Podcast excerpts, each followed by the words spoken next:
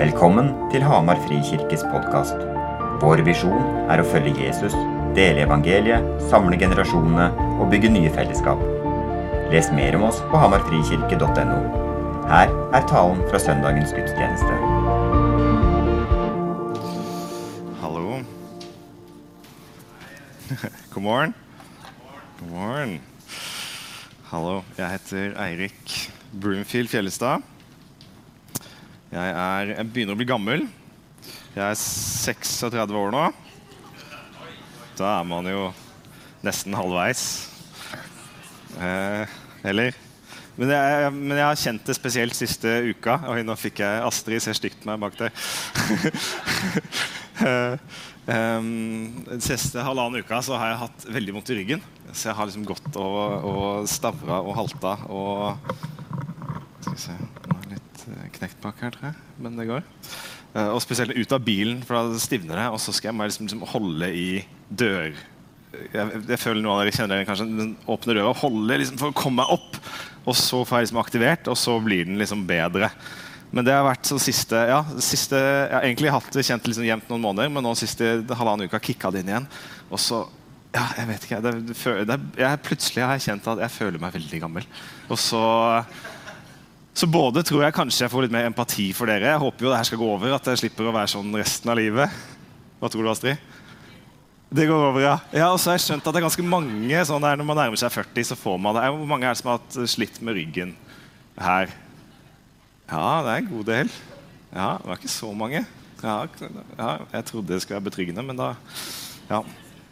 Så Slitt med andre ting, ja. Det er bra, for jeg har ikke slitt med så mye, skjønner du, så da er det kjenner jeg det.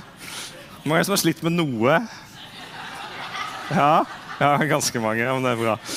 Hvis jeg sliter litt, så kanskje Hvis jeg plutselig dukker opp med motorsykkel om noen uker, eller et eller annet, så kan dere si fra, for da, er det, da begynner kanskje den overgangs- eller 40-årskrisa å kicke inn.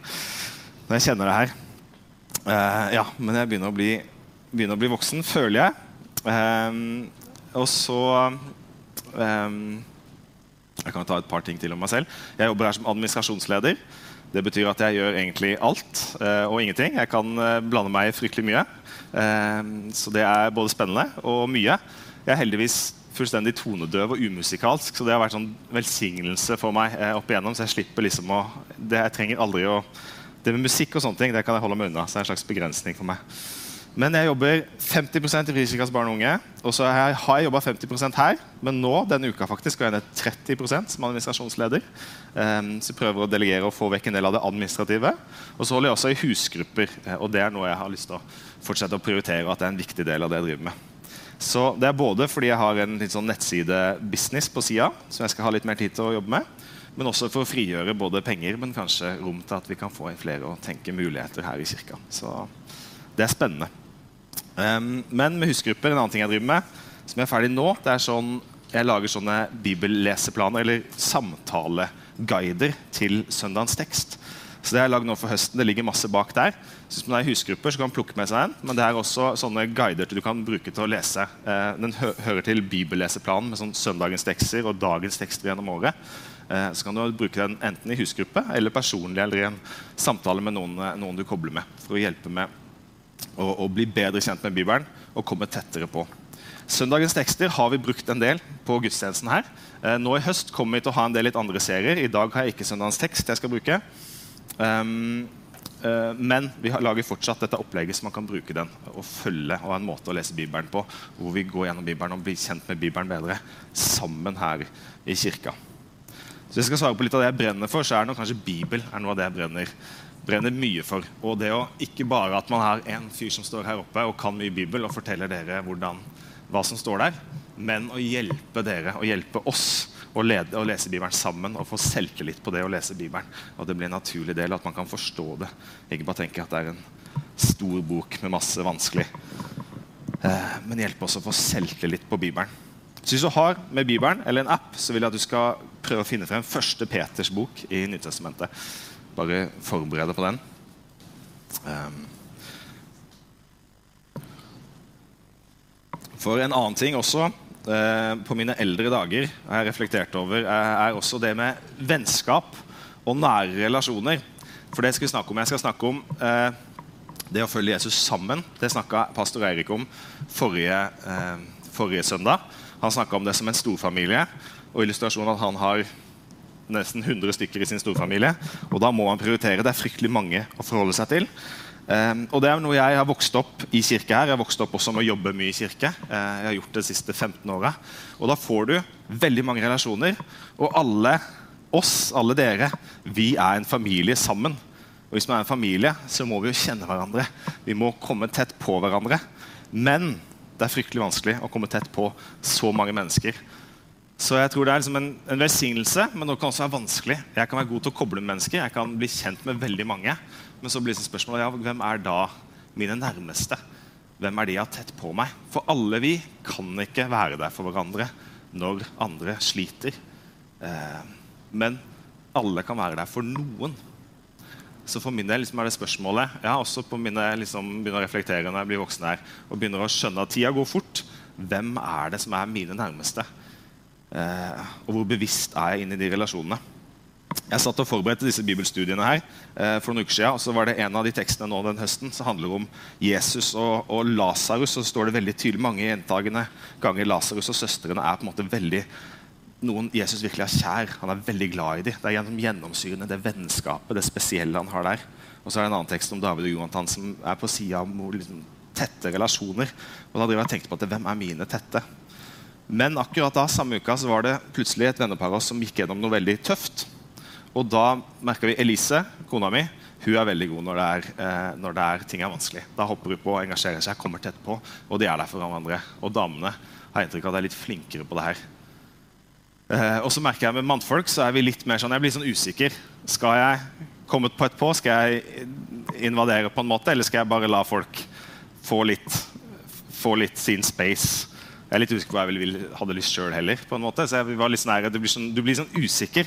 Men så var jeg et par andre som endte med å innse og tok, fikk liksom ordentlig tid med, med han vennen vår. Og så ble det en veldig fin greie hvor vi fikk være der for hverandre. Og så får du det å gå gjennom, være med på noe, sånn, noe heftig sammen, gjør at vi kommer tettere sammen med hverandre. Og så ble det liksom for meg en velsignelse den uka.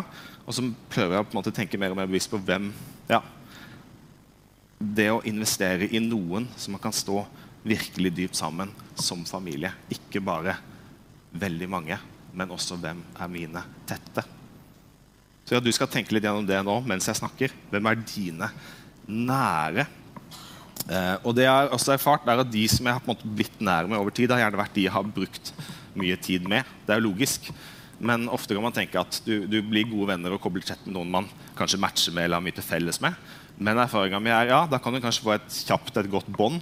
Men det å, liksom, det å, stå sammen i tjeneste i hverdag og virkelig bruke tid over tid, over år, og at man er der for hverandre når ting er vanskelig, eh, og man ser de vonde og de gode sidene av hverandre, og fortsatt er der for hverandre, det er noe av det mest unike som jeg er takknemlig for. Jeg bare merker, Det er de jeg kommer tilbake til i mine relasjoner, som jeg veit er der.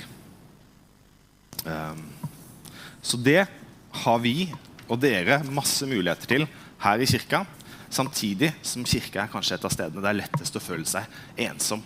For du kommer inn her, og så ser du masse folk, og så ser det ut som alle kjenner hverandre og er gode venner. Og det er masse, mange er familie, og man tenker liksom åh, dette er mange flotte folk, kanskje. Men så føler man seg på sida. Og så tenker man kanskje ikke på at det, det kan være opp mot halvparten av de som kommer inn her, som kjenner på akkurat det samme. Men så sitter man i sitt hjørne, og så har man ikke så vet man ikke. Altså, er man ikke tett nok på hverandre. Eh, og så blir det veldig lett å komme og føle seg ensom og utafor. Eh, og derfor, Det er en av de viktigste grunnene til at, eller det med husgrupper som jeg jobber med, og som jeg ønsker meg på å, å, få flest mulig inn i. Det å på en måte ha noen nære tette. Ikke bare det store fellesskapet, men at man kommer sammen med noen få eh, som du kommer fast med, og du investerer i over tid. Så det skal jeg snakke litt rundt, komme tilbake til.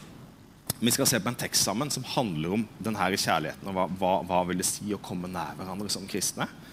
Og så skal vi se litt på det store bildet i Bibelen av vårt kall som Bibelen sier faktisk at vi er kalt til å være hellige prester.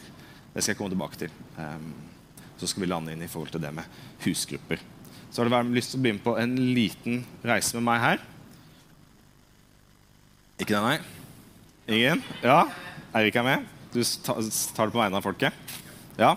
Så hvis du hadde Bibelen, så skal vi lese 1. Peter, eh, 1. Peters brev. Det er nesten helt mot slutten av Bibelen. Eh, kapittel 4. Eh, så står det i vers 7 til 11.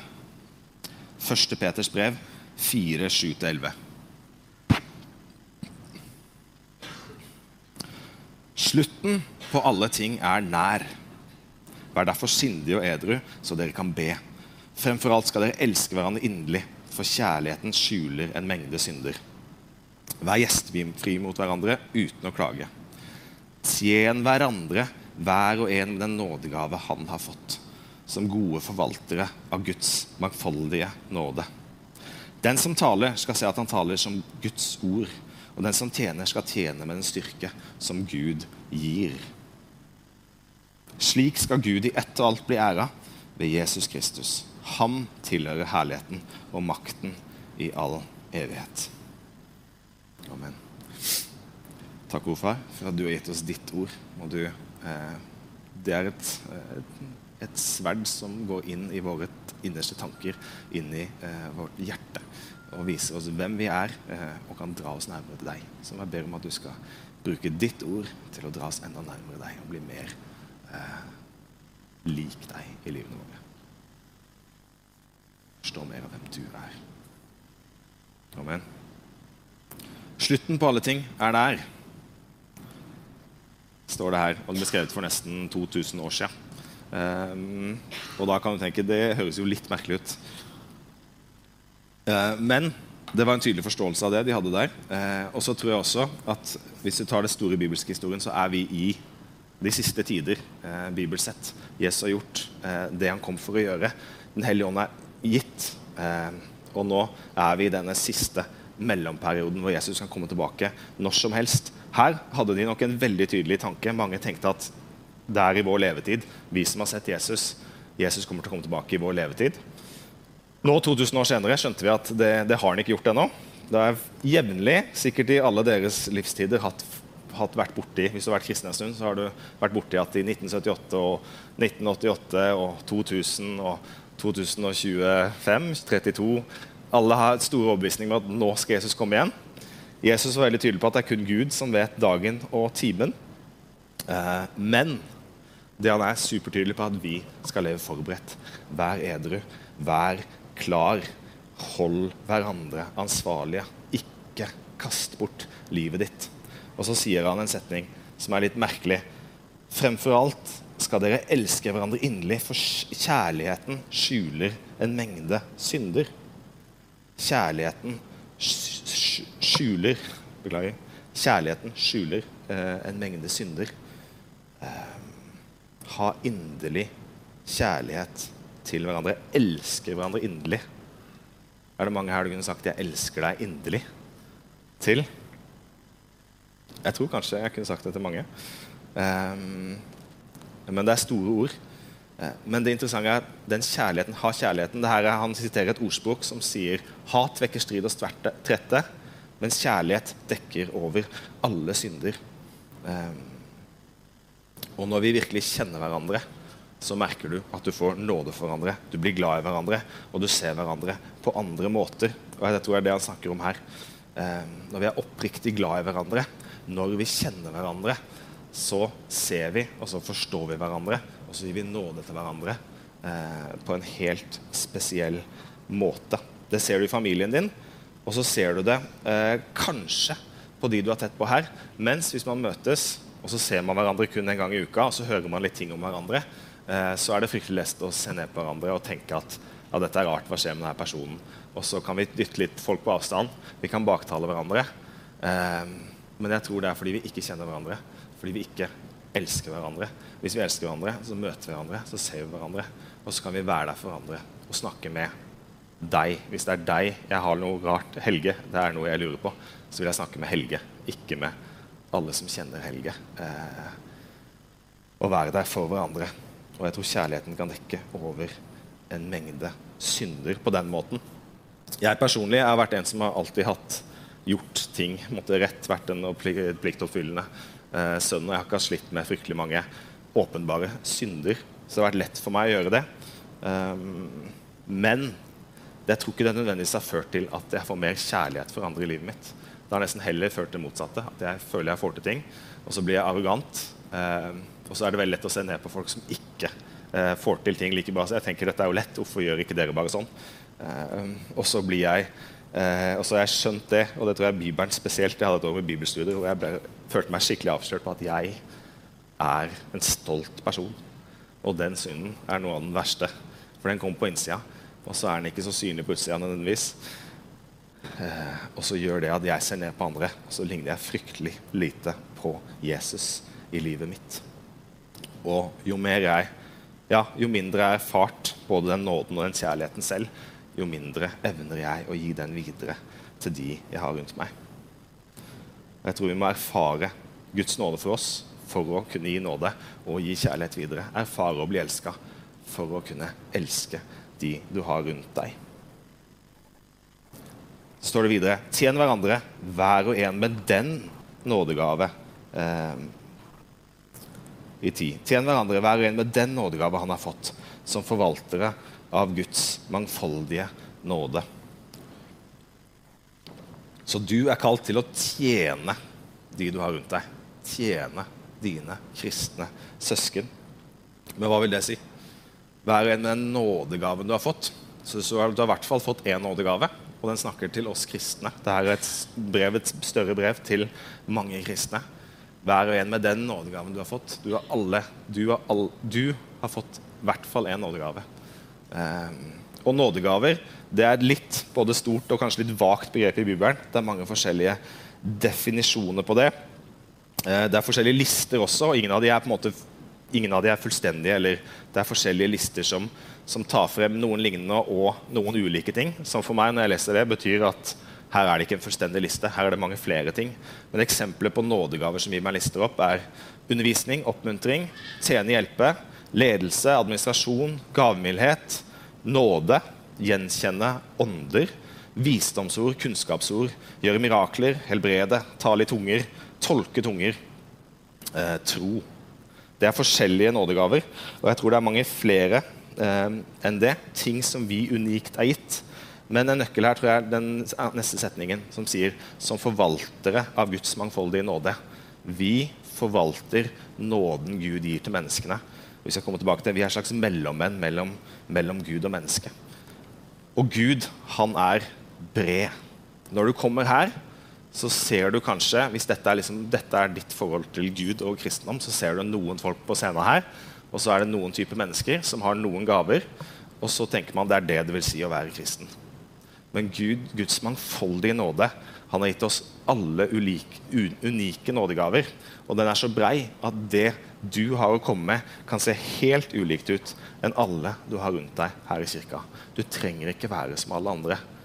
Men hvordan du tjener Gud, hvordan du tjener mennesker eh, med det Gud har, har, skapt inni deg eh, Det er det bare du, men også kanskje de som er tett på rundt deg, som kan gjenkjenne eh, og vise deg eh, hva er. Men da trenger du folk som er tett nok på deg til å kjenne deg, og folk du kan komme tett nok på og tjene. Men han kaller det frem 'tjen hverandre med din nådegave' og bruk den med frimodighet. Så spørsmålet er ikke eh, om du har noe å komme med, men hva din gave er. Hva er det du har å komme med? Hva er det du kan bygge opp og gjøre som drar mennesker ikke nærmere deg nødvendigvis, men nærmere Gud? Og jeg tror Hvis de drar de nærmere Gud, så blir de dratt nærmere deg. Men målet er å dra hverandre nærmere Gud. Og så er det avslutteren med en advarsel. Eh, og så sier ja, den som taler i 11, 1. Peter 4, vers 11 Den som taler, skal se til at han taler som Guds ord. Den som tjener, skal tjene med en styrke Gud gir, slik at Gud i ett og alt blir æra ved Jesus Kristus. Ham tilhører herligheten og makten i all evighet. Så Peter snakker om nådegaven, så snakker han om noen som taler. Talende, de som snakker og bruker ord, nådegave. Og så tjenende, som bruker kroppen, bruker handlinger. Eh, og så deler han det her i to. Eh, og så snakker han om dere som er gode til å prate, dere som er gode til å, eller som bruker, har gaver gjennom ord og måten dere ser, oppmuntrer, ikke nødvendigvis på scenen, men også i møte med mennesker. Eh, eller på tekstmeldinger eller på andre ting. Eh, pass på at det faktisk er Guds ord du deler. Måtte stemme, og teste seg selv eh, når jeg skal bygge folk opp, når jeg skal dra folk nærmere Gud. Eh, stemmer det jeg sier med det jeg tror på, eh, med Bibelen? Og er motivasjonen i det jeg gjør, eh, er det å ære Gud og dra folk nærmere Han? Eller er det å sette meg selv i godt lys? Så snakker han videre om de som handler, du som bruker kroppen din. Eh, er det din egen styrke du bruker, eller finner du kraften din i, i, Gud? Om du bruker deg selv, så tror jeg enten det er veldig lett hvis vi på en måte, og spesielt du tenker dette er min tjeneste for Gud, dette er her ønsker å ære Gud med, og så bruker du din egen kraft, så kommer du enten til å bruke deg opp kjøre deg helt ut. Eller så går det kanskje veldig bra, og så tenker du at det er jeg det er jeg som får det til. Og så ender du med å sette deg selv høyere enn eh, en andre, eller får den, det jeg opplever. du blir håndmodig, eh, du blir arrogant, og så bommer du på Gud i det. Eh, og så er det her Vår måte å tjene Gud på er vårt liv. Det er hele oss. Det er masse forskjellige følelser og ting som foregår inni oss. Og så tror jeg at ikke jeg tror ikke at vi, vi kan snakke om motivasjon.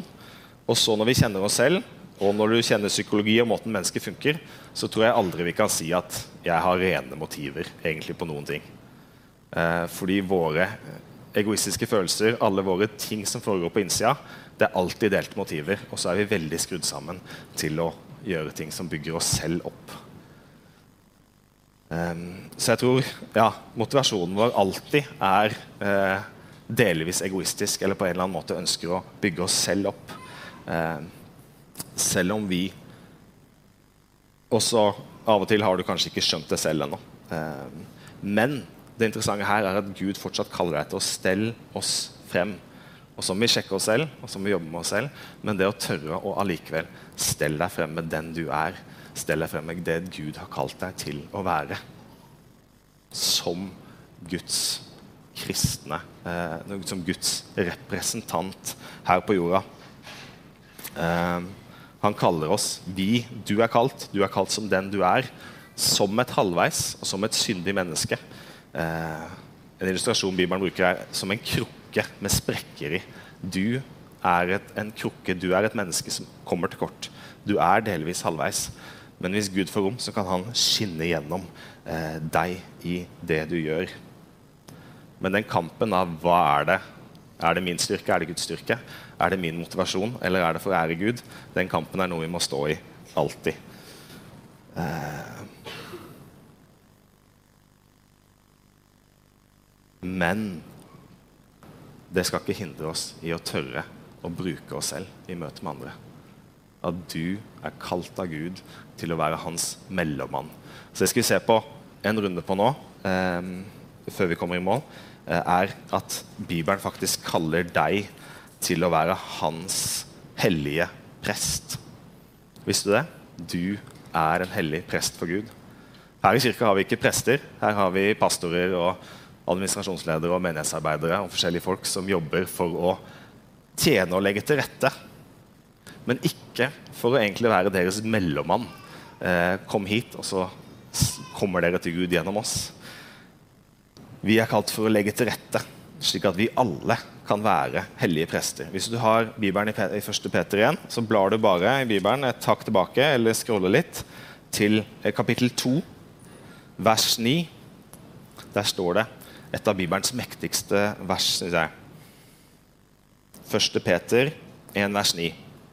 Så står det Men dere er en utvalgt slekt, et kongelig presteskap, et hellig folk et folk som har vunnet, et folk som Gud har vunnet, for at dere skal forkynne Hans storverk, Han som kalte dere fra mørket og inn i sitt underfulle lys. Men dere er en utvalgt slekt, et kongelig presteskap, eh, et hellig folk, et folk som Gud har vunnet, eh, slik at dere skal forkynne Hans storverk, fordi Han har kalt dere fra mørket inn i Hans underfulle lys. Gjennom Bibelen så ser du i Gammeltestamentet så kaller Gud sitt folk, han kaller Israel sitt folk. Og så sier han til Moses eh, helt i starten her Dersom dere nå vil lytte til mine ord og holde min pakt, så skal dere være et kongerike av prester og et hellig folk til meg. Så målet med Israel var egentlig at de som nasjon skulle være en slags mellommann, et bilde av Gud her på jorda, som drar mennesker til han, som drar hele verden mot han. Et bindeledd mellom Gud og mennesker.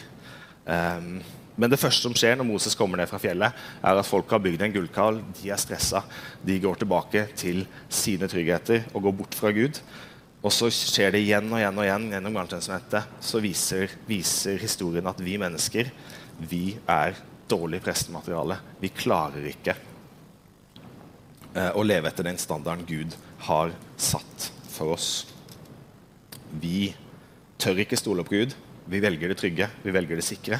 Vi kommer til kort. Vi har vår syndige, egoistiske natur. Eh, kom bare tydeligere og tydeligere frem når du leser denne store historien. Så har du noen, store, du har noen lysglimt underveis, og så ser du på en måte potensialet av hva Guds folk kan være for, for, for eh, verden. Eh, men så ender vi med å falle og falle, og så varer det sjelden lenge. Og så får du et bilde, og spesielt i slutten av Gammeltestamentet gjennom profetene, så ser du et stadig tydeligere bilde av at Gud sier selv at nei, det her funker ikke, men jeg skal gjøre det. Jeg skal komme. Jeg eh, skal komme ned, jeg skal bli et menneske. Eh, og jeg eh, skal, skal, bli det her presten for dere. Jeg skal overvinne menneskenes tur eh, og ofres uskyldig eh, i vårt sted og ta på seg konsekvensen av det gale vi har gjort, og ta på oss vår skyldige natur. Slik at vi istedenfor å måtte kunne ofre eller gjøre masse ting for å være god nok for Gud I Gammeltestamentet var det ofre ting, gjøre ting. I vårt liv så kan det være ting som vi tenker at jeg må hvis jeg, hvis jeg, har gjort noe galt, så tenker vi ofte at da må jeg gi noe ekstra, eller da må jeg jobbe litt ekstra og være ekstra god mot mennesker for å liksom gjenopprette eh, meg selv eller mitt forhold til Gud. Og så har vi våre verktøy, som jeg tror er veldig menneskelige, ikke det Gud kaller oss til.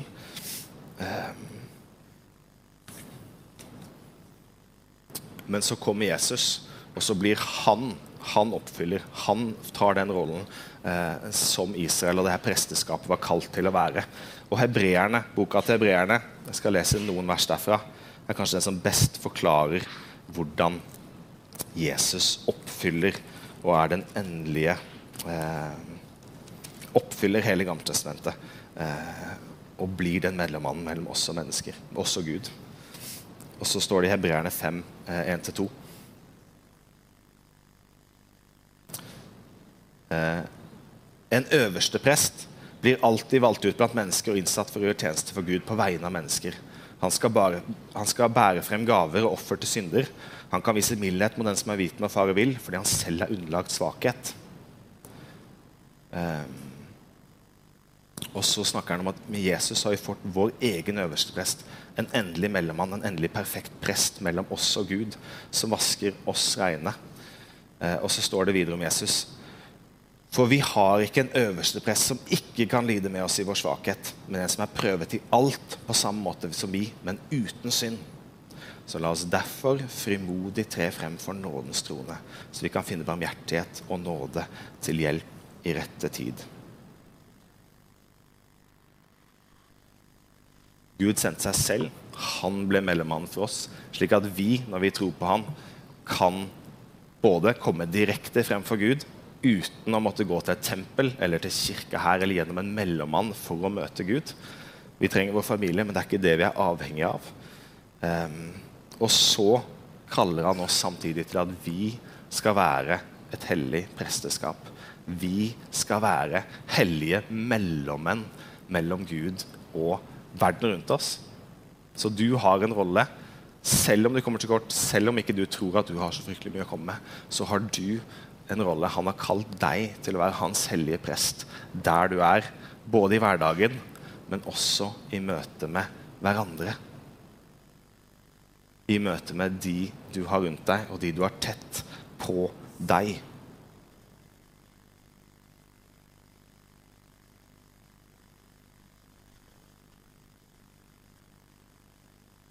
Så der du er i hverdagen, så har du et hellig kall til å være en mellommann til Gud, være en kanal til Gud, være en representant for Gud. Selv om du føler du kommer til kort. Um, men også i møte med dine kristne søsken, de du er satt sammen med. Eh, og da helt konkret det med husgruppe. De du møter jevnlig, der kan du være Guds hellige prest. Der kan du komme med den gaven du er gitt. Selv om du føler du kommer til kort, selv om du kanskje ikke tenker at du har noe å komme med, så sier Gud nei, det er ikke sant. Du er gitt en gave, og du er kalt til en rolle som Guds hellige prest. Som Guds mellommann. Eh, og så kan det, du være med og vise mer av hvem Gud er. For Gud er brei, Gud er mangfoldig, han er stor. Og en av oss eller fem av oss viser bare en brøkdel av hvem han er. Eh, men alle oss sammen kan vise et mye større spekter av hvem Gud er. Og hvis ikke du spiller din rolle, så mister vi den delen av Gud. Så er det en del vi ikke ser. En nyanse som ikke vi får være med eh, og oppleve. Og som de menneskene som er rundt deg. Eh, den mellommannen du er mellom Gud og mennesker. Hvis ikke du spiller den rollen, så mister vi den. Den muligheten folk har til å bli kjent med Gud, den er du kalt til å stå i. Men for å kunne stå i det over tid, så trenger vi folk tett rundt deg. Du trenger å ha folk nær deg. Du trenger din nære gruppe som kjenner deg, som både du kan være, for, være der for når ting er vanskelig og du går ned, men også som kan være der for deg når du krasjer, og når livet krasjer rundt deg, og når du kommer til kort. Vi trenger deg. Det kan komme opp, dere.